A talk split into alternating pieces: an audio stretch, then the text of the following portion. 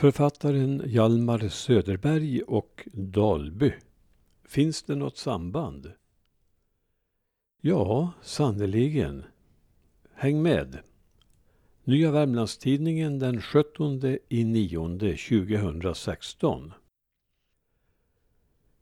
Det har varit mycket Hjalmar Söderberg en tid nu. Efter två tidigare inspelningar har Den allvarsamma leken, där Dalbybon Arvid Stjernblom är huvudperson, filmats igen. Temanumret om Nordvärmland innehöll en artikel om nämnda författare och så har ett sällskap från Hjalmar Söderbergssällskapet varit till Dalby på höstligt besök. Då undrar säkert många vad den kände författaren och Stockholmsskildraren hade för anknytning till den lilla skogskommunen Dalby långt från huvudstaden. Söderbergs förälskelse i den unga Elin Edgren har jag tidigare berättat om både i NVT och annorstädes, så den ska vi inte vidare fördjupa oss i. Den blivande författaren lyckades inte vinna flickans kärlek trots att han gav henne ett vackert poem. Vid kalaset för bygdens herrskap på Olagården i Likenäs, som är beskrivet i novellen Syndens lön, så valde hon en annan kavaljer. Elin förblev dock ogift livet ut och lika bra var kanske det. Söderberg blev ingen make av den exemplariska sorten. Att den blivande store författaren överhuvudtaget besökte Dalby några gånger beror på att han besökte sin moster Emma Dahlberg, husföreståndarinna åt apotekare Konrad Wiberg i Norra Persby på gränsen till Långav, även han en släkting. Apoteksbyggnaden med lägenhet finns ännu kvar. Så här beskriver Söderberg Klarälvdalen. I den trånga dalgången längs med älven har människorna trängt sig samman, byggt sina hus och plöjt sina tegar. I öster och väster reser sig höjderna i branta avsatser. Där bakom breda sig skogarna, myrarna, ödevidderna. I norr stiga de dimblå fjällen mot himmelen. Och i söder, i söder är landskapets stora bräsch. Där man pekar ut i soldiset och säger där borta är världen. Som 13-åring fick Söderberg följa med på en resa till Dalby och på den tiden 1882 färdades man lämpligast med ångbåt sista biten.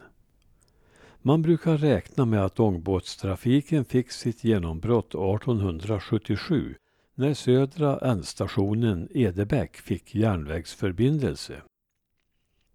Sådana ångbåtsfärder medförde ibland komplikationer, särskilt vid lågt vattenstånd. Det hände då och då att även dessa flatbottnade fordon fastnade på en sandbank. 1893 kom Söderberg åter, det år då han förälskade sig i löjtnant Edgrens barnbarn Elin. I novellsamlingen Det mörknar över vägen beskriver han resan med ångbåt från Edebäck till Dalby. Han väcktes ur sina tankar då han hörde pråmskepparen springa omkring och svära på ett verkligt ogudaktigt sätt på kajuttaket. Söderberg berättar. På ett sandrev mitt i älven stod bogserbåtens kapten och svor i enlighet med sin högre rang efter ett ur religiös synpunkt ännu mera förkastligt formulär än promkaren. På vänstra älvstranden stod då tre bönder och skrattade.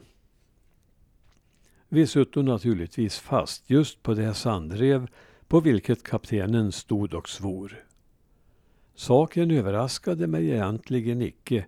Jag hade hört att det emellanåt brukades så på denna trafikled och jag förstod genast att de båda männen egentligen bara svuro för att ingiva mig och mina båda medpassagerare den föreställningen att det var något ovanligt på färde. Förhållandet var för övrigt mycket naturligt.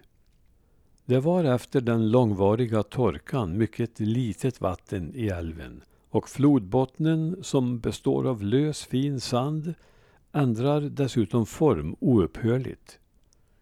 Man vet aldrig var man har ett sandrev förrän man sitter fast på det.